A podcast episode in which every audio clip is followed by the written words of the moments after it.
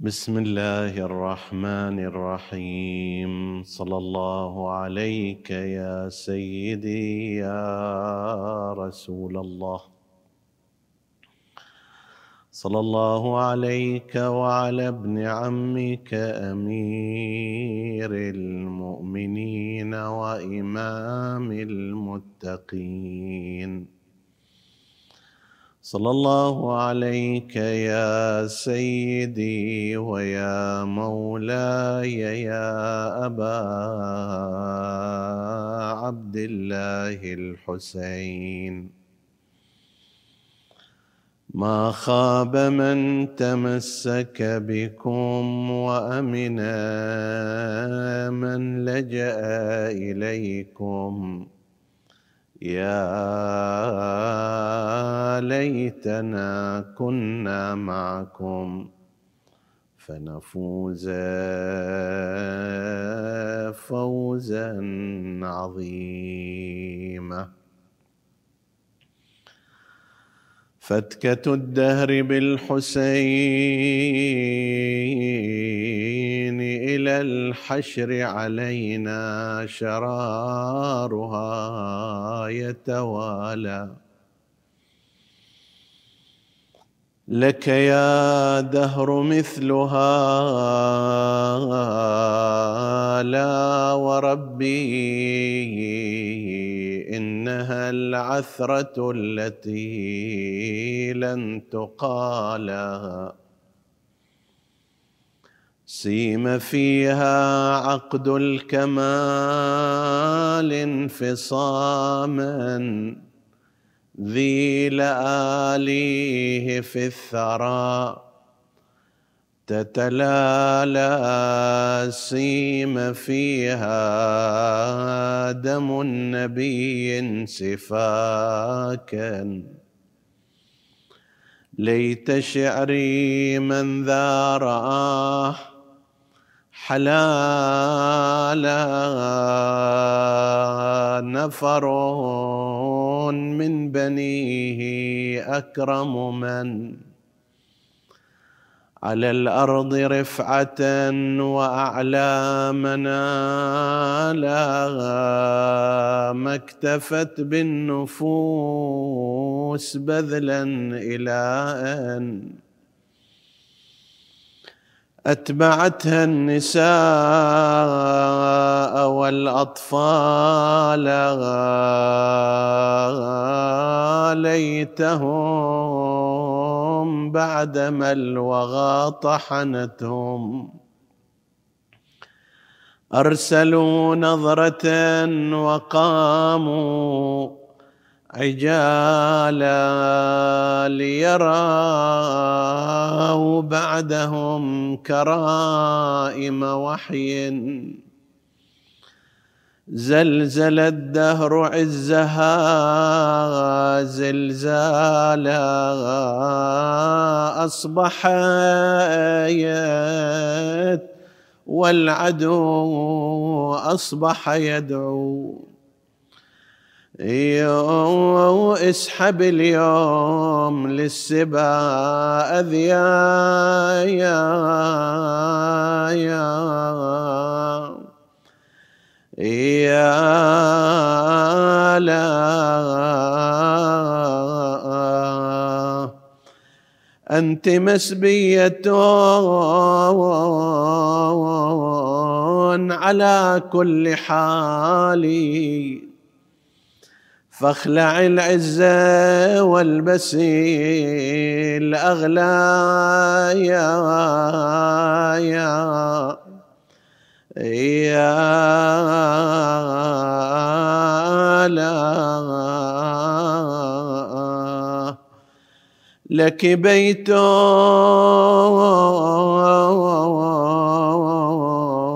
عالي البناء هدمناه وحزنا خفافه والثقا يا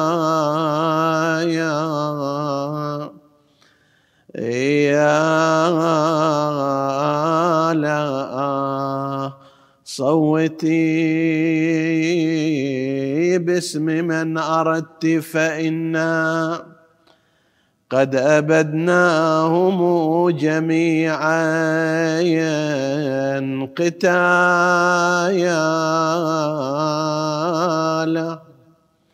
لكنما الأمر لله لا حول ولا قوة إلا بالله العلي العظيم. إنا لله وإنا إليه راجعون. وسيعلم الذين ظلموا أي منقلب ينقلبون. والعاقبة للمتقين. عطروا مجالسكم بذكر محمد وآل محمد. اللهم صل على محمد وآل محمد. اللهم صل على محمد وآل محمد. اللهم صل على محمد وآل محمد. من كلام لسيدنا ومولانا أبي عبد الله جعفر بن محمد الصادق عليه السلام. لجعفر ابن عفان الطائي وقد أنشده شيئا من شعره فقال الإمام عليه السلام بعدما بكى وبكى من معه قال يا جعفر والله لقد شهدك ملائكة الله المقربون ها هنا يسمعون قولك في الحسين عليه السلام ولقد بكوا كما بكينا وأكثر ولقد أوجب الله لك يا جعفر في ساعتك الجنة بأسرها وغفر لك. فقال ألا أزيدك؟ قال نعم يا سيدي. قال ما من أحد. قال في الحسين شعرا. فبكى وأبكى إلا أوجب الله له به الجنة وغفر له. صدق سيدنا ومولانا أبو عبد الله جعفر بن محمد صلوات الله وسلامه عليه. من هذا الحديث المبارك الذي يرويه ابن قولويه في كامل الزيارات بسنده إلى الإمام الصادق عليه السلام. ننطلق في الحديث عما يرتبط بالشعر في الحسين. وفيما بعد نتحدث عن بعض شعراء كربلاء الذين نظموا وأنشأوا وأنشدوا في الحسين عليه السلام. وبالرغم من أن هذا الموضوع من المواضيع المطوله جدا حتى لقد ألف فيه بعض العلماء والباحثين ما يصل إلى عشر مجلدات كما هو في بعض طبعات شعراء الطف أو أدب الطف. وأيضا ما جاء في شعراء الحسين عليه السلام في العصور المختلفة في الأجزاء التي أفردها صاحب كتاب دائرة المعارف الحسينية وهي مجلدات كثيرة ولا يزال أيضا يتابع.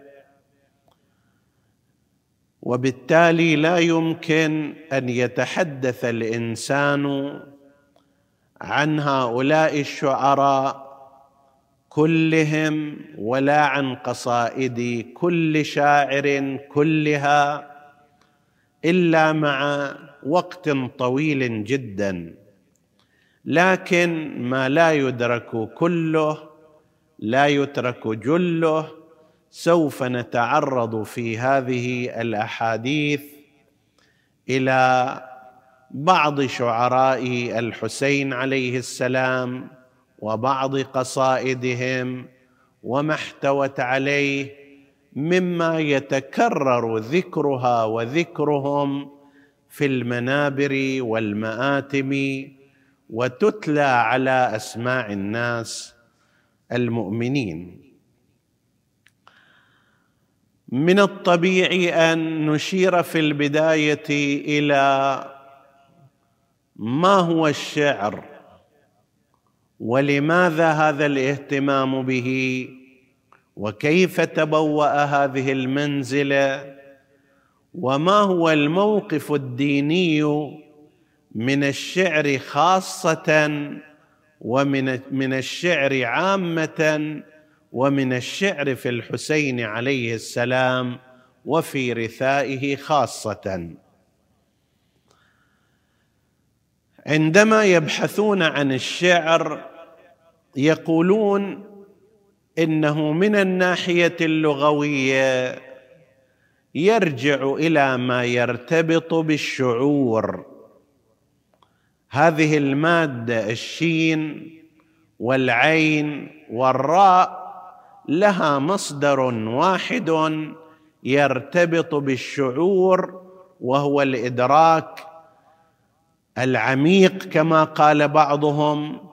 وعموما الشعور معروف لدى كل إنسان باعتبار أنه يمارسه.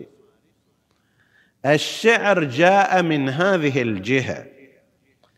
وجه المناسبة في التسمية أنهم قالوا أن الشاعر كأنه يدرك ادراكا استثنائيا لبعض القضايا ويحولها إلى نظم موزون مقفا عن قصد وهو ما يطلق عليه بالشعر. يعني من الممكن أن كلنا نمر على حادثة وعلى قصة وعلى منظر فنمر عليه مرورا عاديا. لكن قد يأتي شاعر مجيد فيكتشف بعض المناسبات بعض التشبيهات بعض القضايا الخفية علينا بالنظرة الأولية. إدراكه هذا لتلك الجهات الخفية والمناسبات الخاصة. ثم هذا الإدراك شعور استثنائي. ثم تحويله إلى كلام منظوم موزون مقفى عن قصد أيضا. هنا يتحول إلى ما يصطلح عليه عند العرب بالشعر. ومن الواضح أن الشعر في حياة العرب كان له دور كبير جدا حتى لم تعرف أمة من الأمم بشيء كما عرف العرب بالشعر. فهو تأريخ لأيامهم وقضاياهم وآدابهم وهو السجل الحافل لما كان يدور بينهم وهو محور ثقافتهم. إذا كانت ثقافة الناس الآن محفوظة مثلا في الكتب وفي الأجهزة الحديثة والتسجيلات الاستثنائية والمجلدات الضخمة فإن ثقافة العرب ايا تكن تلك الثقافة في تلك الأزمنة كان يحفظها الشعر وكان الشعر بمثابة الحافظ لكل تلك الأحداث والثقافات. هذا الشعر الذي كما ذكرنا هو ملاحظة الشاعر جهة أو جهات خفية في على عامة الناس ثم تحويلها والتعبير عنها بصورة خاصة هذا نلحظه في القصائد في الأبيات الشعرية. مثلا عندما يمر علينا فيما يرتبط بالإمام الحسين عليه السلام عندما يمر علينا قول الشاعر كأن جسمك موسى مذ هوى صعقا وأن رأسك روح الله مذ رفعا جاء بتشبيهين من حياة نبيين كريمين لكي يربط الحدث الحسيني في أن جسم الحسين سقط على الأرض كما سقط موسى في الحادث فيما يقصه القرآن الكريم كأن جسمك موسى مذ هوى صعقا مصعوقا وفي المقابل عيسى ابن مريم رفع إلى السماء بل رفعه الله إليه فاستعار الشاعر هاتين الحادثتين والمناسبتين وعقد بينهما وبين حدثي. جسم الحسين ورأس الحسين عقد بينهما بصلة فأنتج هذا البيت. وهذا كما يقول الباحثون من أجمل الأبيات الذي التي جمعت قضية نبيين في تشبيههما بقضية الحسين عليه السلام. أو الشاعر الآخر الذي يلاحظ حركة السيوف عندما تنثني وتطال جسم الحسين عليه السلام فيشبهها بقضية الصلاة والمحراب وما يرتبط بذلك عندما يقول صلت على جسم الحسين. سيوفهم فغدا لساجدة الضبا محرابا. جعل جسد الحسين محرابا وجعل السيوف والضبا والقواضب حركة إنسان ساجد واستعار معنى الصلاة لكي يشبه هذه العملية بهذا النحو. صلت على جسم الحسين. سيوفهم فغدا لساجدة الضبا محرابا. هنا الشاعر يستعير هذه المناسبة ويعقد بينها وبين قضية الحسين عليه السلام برابط وبعقد ثم يقدمها في هذه الصورة البديعة التي ربما لو لم يلفت الشاعر النظر إليها من خلال أبيات الشعر. الإنسان العادي لا يتبادر إلى ذهنه هذا المعنى ولا يتصور هذه العلاقة. ولذلك قيل أن الشعر نحو إدراك خفي لبعض المناسبات في الحدث أو في المنظر الطبيعي أو في التوصيف. وما شابه ذلك. هذا في أصل قضية الشعر وتعريفه وما يرتبط به من الناحية اللغوية ومن الناحية الاصطلاحية. طبعا الشعر عند العرب بل عند غيرهم أيضا لكننا حديث لكن حديثنا هو في اتجاه الفئة العربية تتعدد تقسيماته ومناحيه وأغراضه. فقد يكون من الشعر ما يرتبط بالحماسة والإثارة استخدم في الحروب والقتال وما شابه ذلك.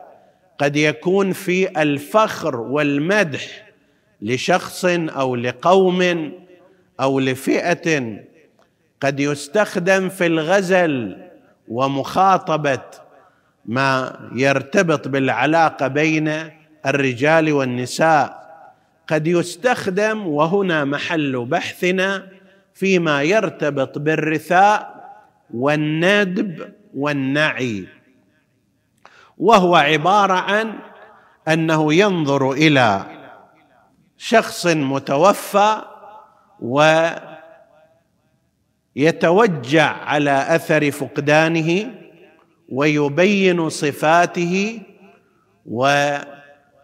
ويجلي بعض الجهات التي ربما تكون خافية فيه وينعاه لإثارة الشجن والأسى والدمعة على ذلك الشخص المفقود. بالرغم من أن أصل هذه الكلمات ربما لا تدل في أصل وضعها على هذا الجانب لكنها تحولت بكثرة استخدامها إلى مثل هذا المعنى. فقد يكون بعضها مثلا دالا على مطلق النداء كما هو الحال في النعي ولكن على أثر كثرة استخدام هذه الكلمة فيما يرتبط بموضوع المتوفى وإثارة الأحزان والأشجان عليه وذكر فضائله صارت تنصرف ويتبادر منها هذا المعنى. ما يرتبط بحديثنا حول الحسين عليه السلام هو شعر الرثاء في الحسين. وإلا أيضا يوجد فيه شعر الحماسة مثلا يوجد فيه شعر التوصيف ولكن حديث حديثنا ضمن هذه الليالي والحلقات سيكون ناظرا إلى الجانب جانب الرثاء والنعي والندبة وما شابه ذلك. هل هناك موقف تجاه موضوع الشعر بشكل عام مؤيد أو مخالف؟ وثم بعد ذلك ما هو الموقف الديني تجاه شعر الرثاء في الحسين عليه السلام؟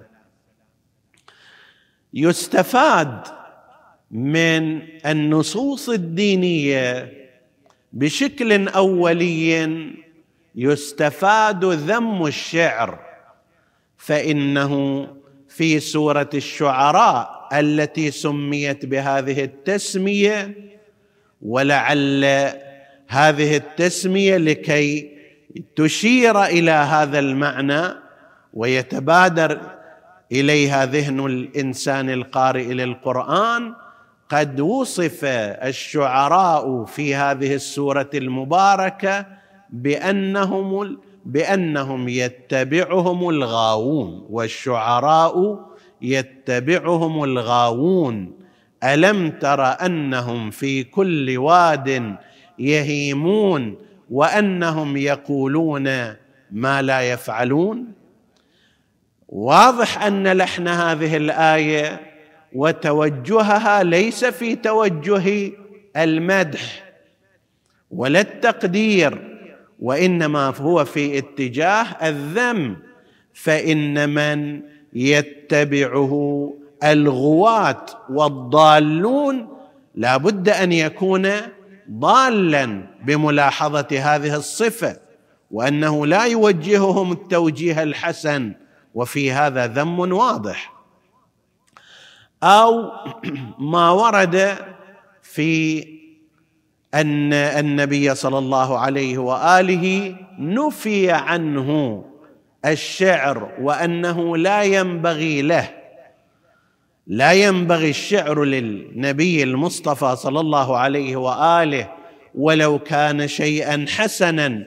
يقول أصحاب هذا الرأي لو كان الشعر شيئا حسنا لما نفي مناسبته للنبي صلى الله عليه وآله فإنما ينفى عن النبي الأمور السيئة. بل ينقل لا سيما في مصادر مدرسة الخلفاء عن النبي صلى الله عليه وآله ما ورد في الصحيحين وفي الطبراني وغيره من المصادر وغيرهما من المصادر أن وغيرها من المصادر أن النبي صلى الله عليه وآله قال بناء على هذا لأن يمتلئ جوف أحدكم قيحا خير له من أن يمتلئ شعرا. وهناك رواية مروية عن الإمام الصادق عليه السلام أشار فيها إلى حديث رسول الله صلى الله عليه وآله ولسنا الآن بصدد تصحيح هذه الرواية أو تلك ولكن هناك توجه يوجد في الروايات بل في القرآن الكريم فيه ذم لموضوع الشعراء. وإذا كان كذلك فيقول أصحاب هذا الرأي إن الشعر مذموم وبتبعه فإن الشاعر ينبغي أن يكون يمارس امرا مذموما وغير مستحسن. لكن في المقابل هناك روايات عن المعصومين عليهم السلام تشير إلى أنه الشعر ممدوح. إن من الشعر لحكمة وفي رواية أخرى لحكما أو حكما. روي ذلك عن رسول الله صلى الله عليه وآله. وفي خصوص ما يرتبط بقول الشعر في أئمة الهدى عليهم السلام توجد روايات كثيرة منها ما ذكرناه في أول حديثنا عن الإمام الصادق عليه السلام عندما قال للشاعر جعفر ابن عفان الطائي وقد أنشده بعض قصائده أنشد جعفر الإمام الصادق عليه السلام بعض القصائد من إنشائه هو. فالإمام عليه السلام مدح فيه ذلك بل أخبره بوعد عظيم في الثواب على مثل هذا الإنشاء للشعر والنظم في الحسين عليه السلام. قال يا جعفر والله لقد شهدك ملائكة الله المقربون ها هنا. يسمعون قولك وفي الحسين ولقد بكوا كما بكينا وأكثر. ثم قال له ليس هذا كأنما أمر خاص بجعفر وإنما قال له ما من أحد. قال في الحسين عليه السلام شعرا فبكى وأبكى به إلا أوجب الله له الجنة وغفر الله له. سيكون عندنا إن شاء الله حديث عن ما هي مناسبات هذه الجزاءات التي وعد بها الشاعر والناظم في أهل البيت عليهم السلام. ولماذا بعضها يختلف عن بعض في الجزاء وفي الثواب المترتب على ذلك؟ سيكون لنا إن شاء الله بتوفيق الله نظرة في هذا المعنى.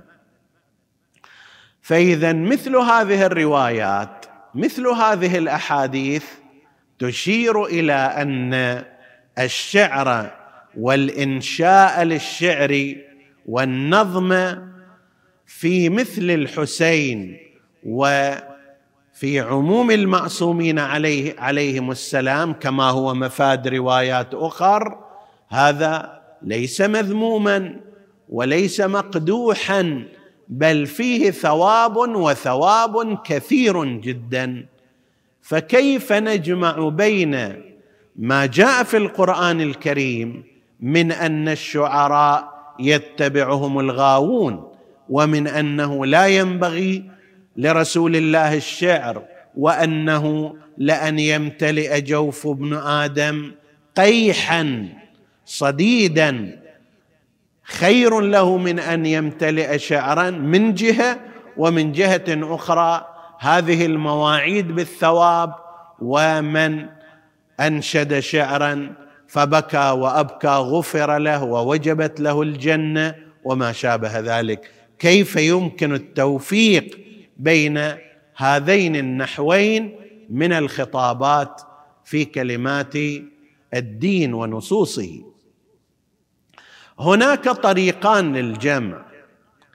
الطريق الأول هو الطريق التخصيصي بمعنى أن يقال كل الشعر سيء كل كل الشعر لا خير فيه كل الشعر ليس محبوبا إلا ما كان هادفا لقضية دينية وكان يعتبر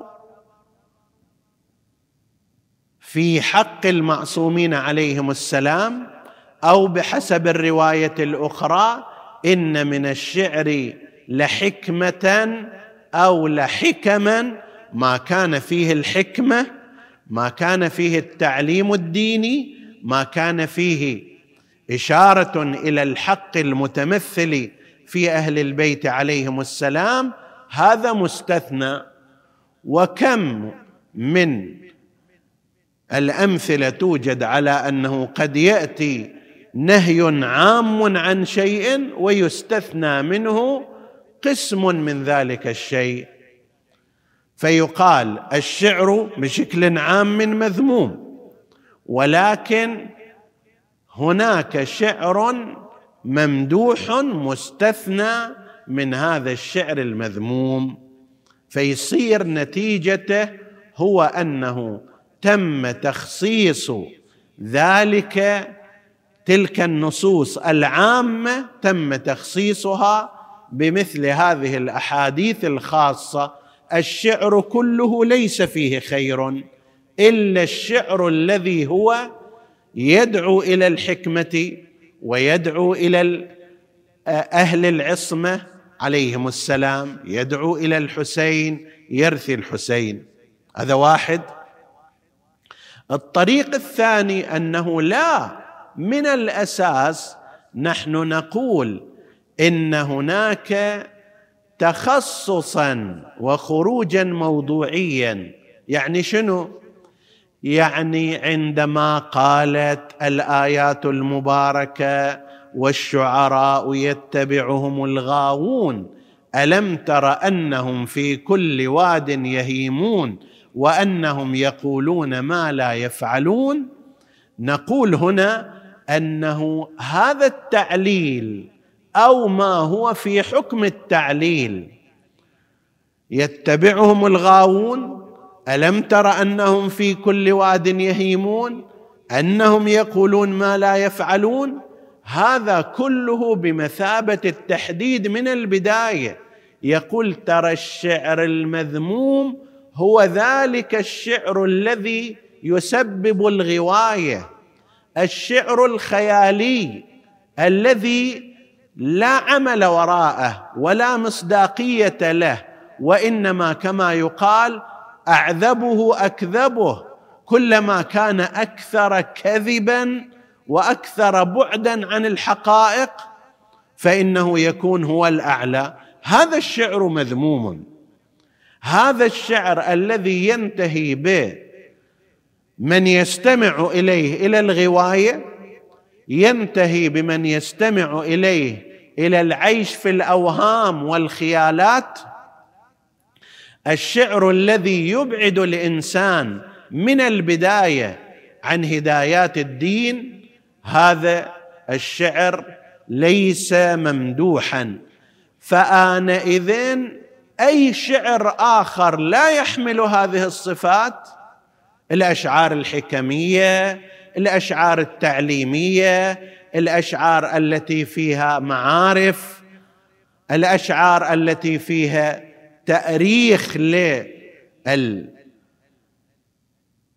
للفضائل والتقوى فيها دعوة إلى الدين والهداية فيها مدح لأئمة الدين للقدوات الدينية فيها رثاء للحسين وأهل البيت عليهم السلام.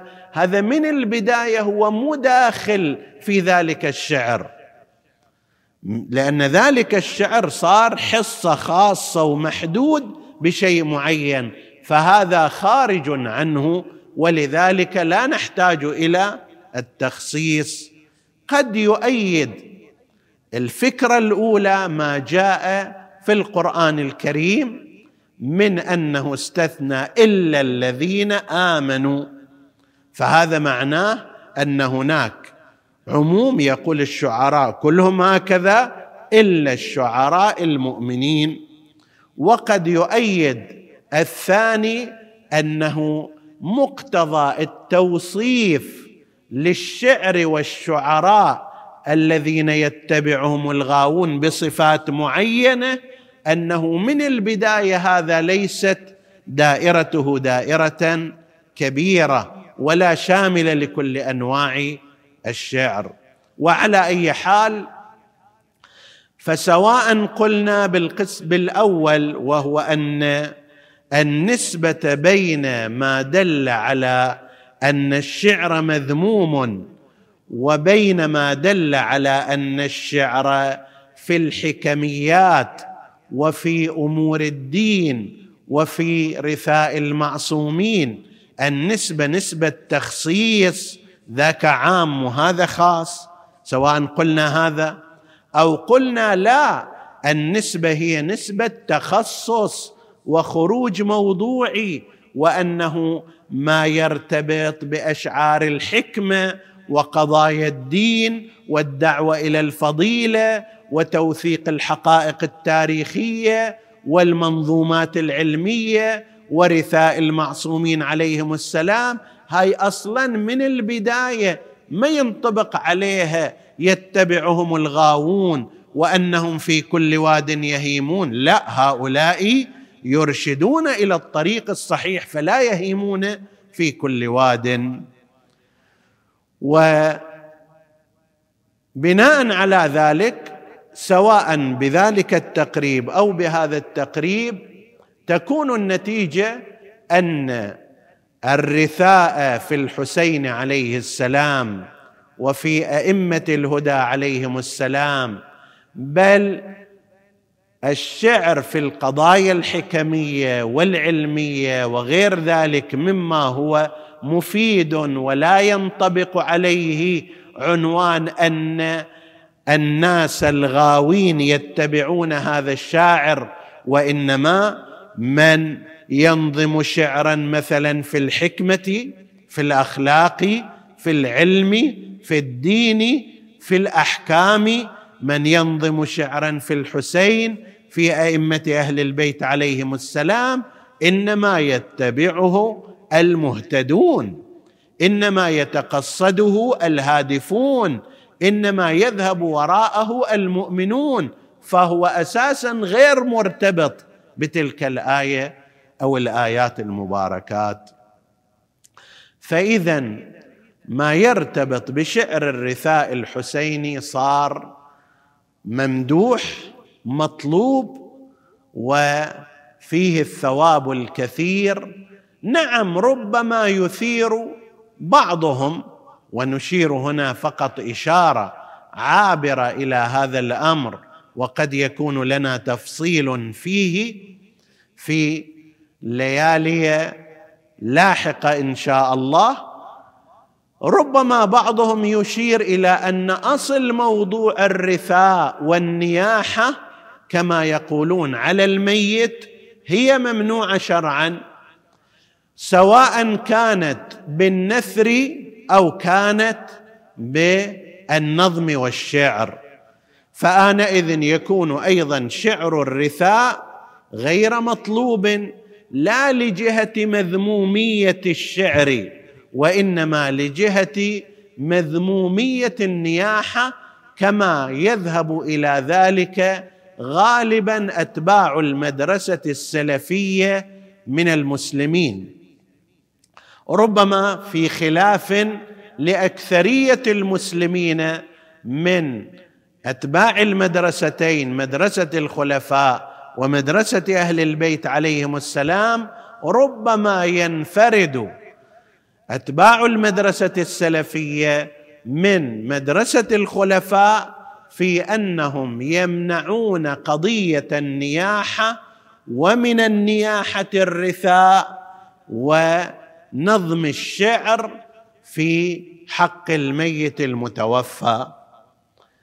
بهذا المعنى بعضهم لا يفرق بين أن تكون النياحة على المتوفى والميت بالشعر أو بالنثر ولا فرق عندهم أيضا بين أن يكون الرثاء والنياحة على أخ مسلم أو على إمام معصوم أو على نبي مرسل. مقتضى هذا الأمر أن النياحة عندهم غير جائزة.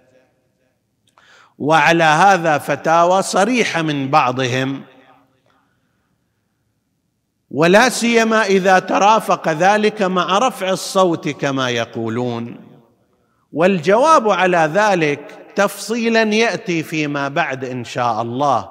ولكن باختصار يقال أن ما ورد عندهم من روايات تشير إلى أن النياحة ممنوعة. اولا لا تلزم غيرهم باعتبار أن غيرهم لا يرون صحة هذه الروايات. الإمامية وغير الإمامية من بعض المذاهب الأخرى لا يرون تصحيح هذه الروايات التي اعتمدوا عليها في المنع عن النياحة على المتوفى ولا سيما إذا كان من أئمة الدين. هذا واحد. بالإضافة إلى ذلك هي محمولة على محامل في قسم من الروايات دلائل عليها. وذلك ما إذا كانت النياحة على المتوفى وتعداد محاسنه مترافقة مع الكذب في تعداد تلك المحاسن. وهذا راجع يقول العلماء إلى أن قضية الكذب غير جائزة سواء كانت في رثاء ميت أو كانت في مدح حي وسواء كانت مقترنة بالبكاء أو غير مقترنة بالبكاء. الكذب ممنوع سواء كان ذلك بالنثر أو بالشعر. أما إذا خليت هذه النياحة وإظهار الحزن على المتوفى فلا معنى لتحريمها. وهناك الكثير الكثير من الشواهد على ذلك. منها ما روي عن سيدتنا سيدة نساء العالمين فاطمة الزهراء صلوات الله وسلامه عليها. وقد روي من طريقهم أيضا لا سيما في رثائها ونعيها على أبيها رسول الله صلى الله عليه وآله عندما كانت تنشد هذا الشعر ماذا على من شم تربة أحمد ألا يشم مدى الزمان؟ غوالي صبت علي مصائب لو أنها صبت على الأيام صرن ليالي وقد نقله الكثير من المحدثين بما لا سبيل إلى إنكاره ومنهم أحمد بن حنبل صاحب المسند وغيره من المحدثين.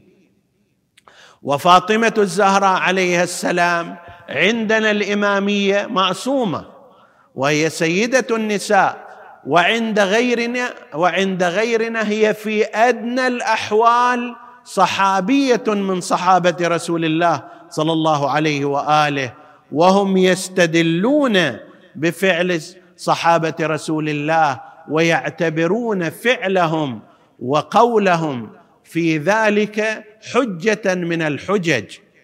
ومثل ذلك ما صنع أمير المؤمنين عليه السلام في رثائه لفاطمة الزهراء عليه السلام عندما أنشد على شعرها وأنشد على قبرها لكل اجتماع, لكل اجتماع من خليلين فرقة فرقة وكل الذي دون الممات قليل وإن افتقادي فاطما بعد أحمد دليل على أن لا يدوم.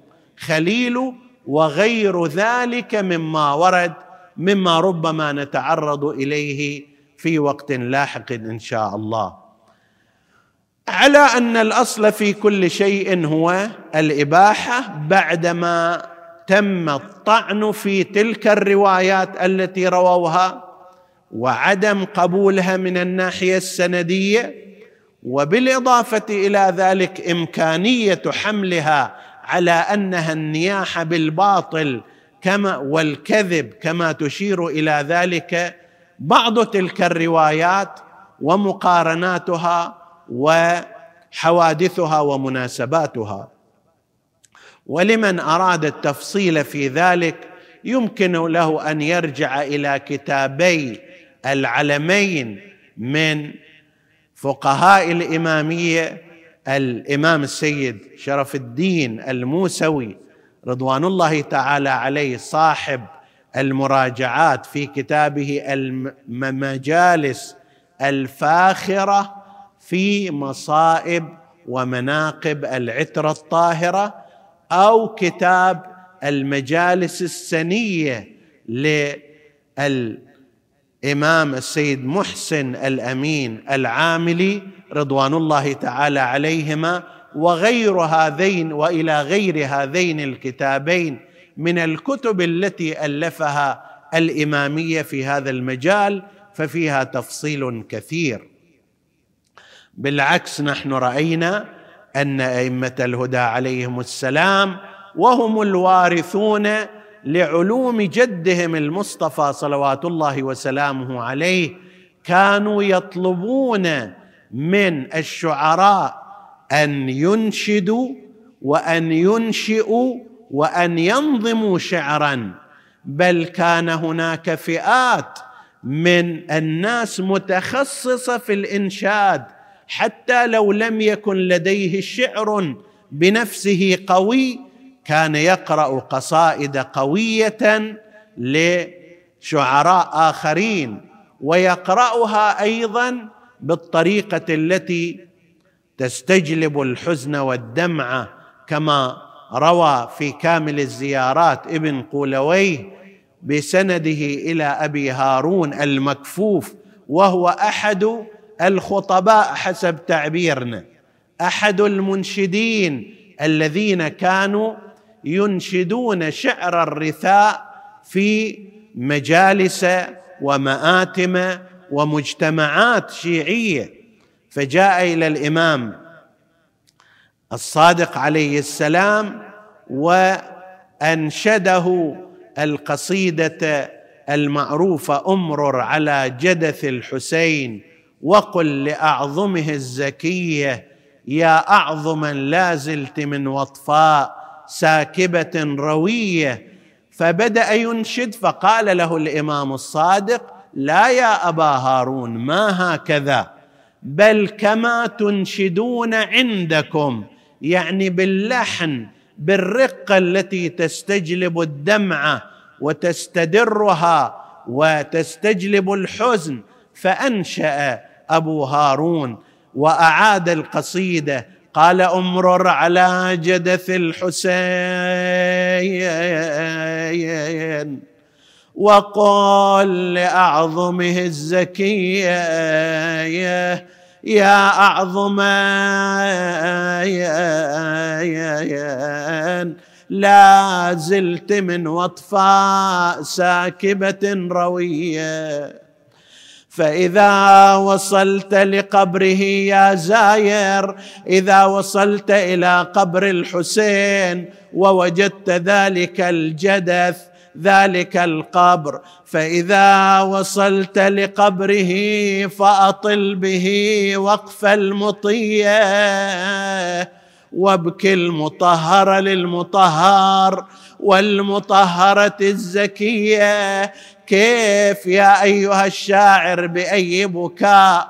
قال ببكاء معولة أتت يوما لواحدها المنية.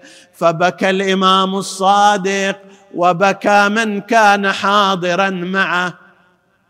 وقال يا أبا هارون زدني زادك الله خيرا. فقرأ قصيدة أخرى يخاطب فيها أم الإمام الصادق أم فروة. قال يا فرو قومي واندبي مولاك وعلى الحسين فأسعدي ببكاك.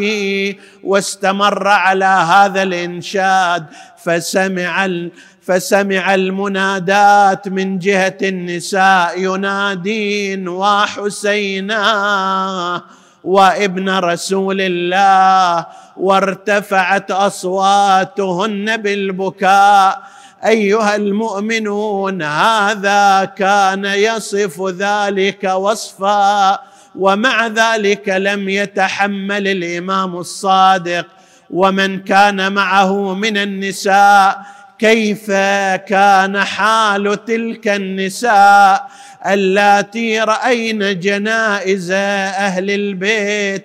جنائز الإمام الصاد الإمام الحسين وجثامين القداسه من أصحابه وأهل بيته في يوم الثالث عشر عندما توجهنا إلى جهة كربلاء. كأني بهن قلنا إحنا قصدنا المشرعه جينا المعاره وشفنا جسد مطروح وتركنا حيارى. ما تنحصى جروحا يا ويلي وتسطع أنوارا. مقطوع حتى خنصرا من كف اليمين. ويما ولد مثل البدر نوري تلاله كثر الضرب والطعين ما غير جماله. ما تنحصى جروحه مقنطر على شماله. الله يساعد قلب هل فقدتها الاثنين وفطر مراير جسد يم الشريعة. مذبوح لكن ذبحته والله فجيعه حتى من الزندين شفينا قطيعه صاحب علم كنا وسلا لا هاشمية.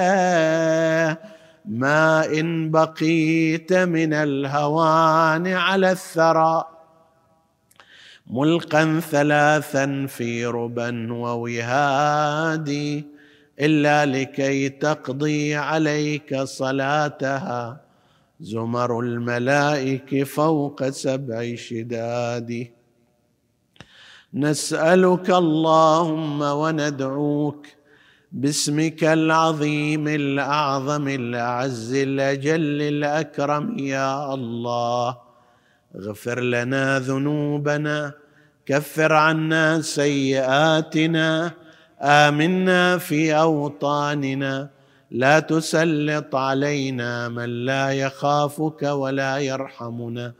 ولا تفرق بيننا وبين محمد وآله. طرفة عين. احفظ اللهم إخواني السامعين فردا فردا. اقض اللهم حوائجهم وتقبل أعمالهم. واشف اللهم مرضاهم. لا سيما المرضى المنظورين ومن أوصانا بالدعاء.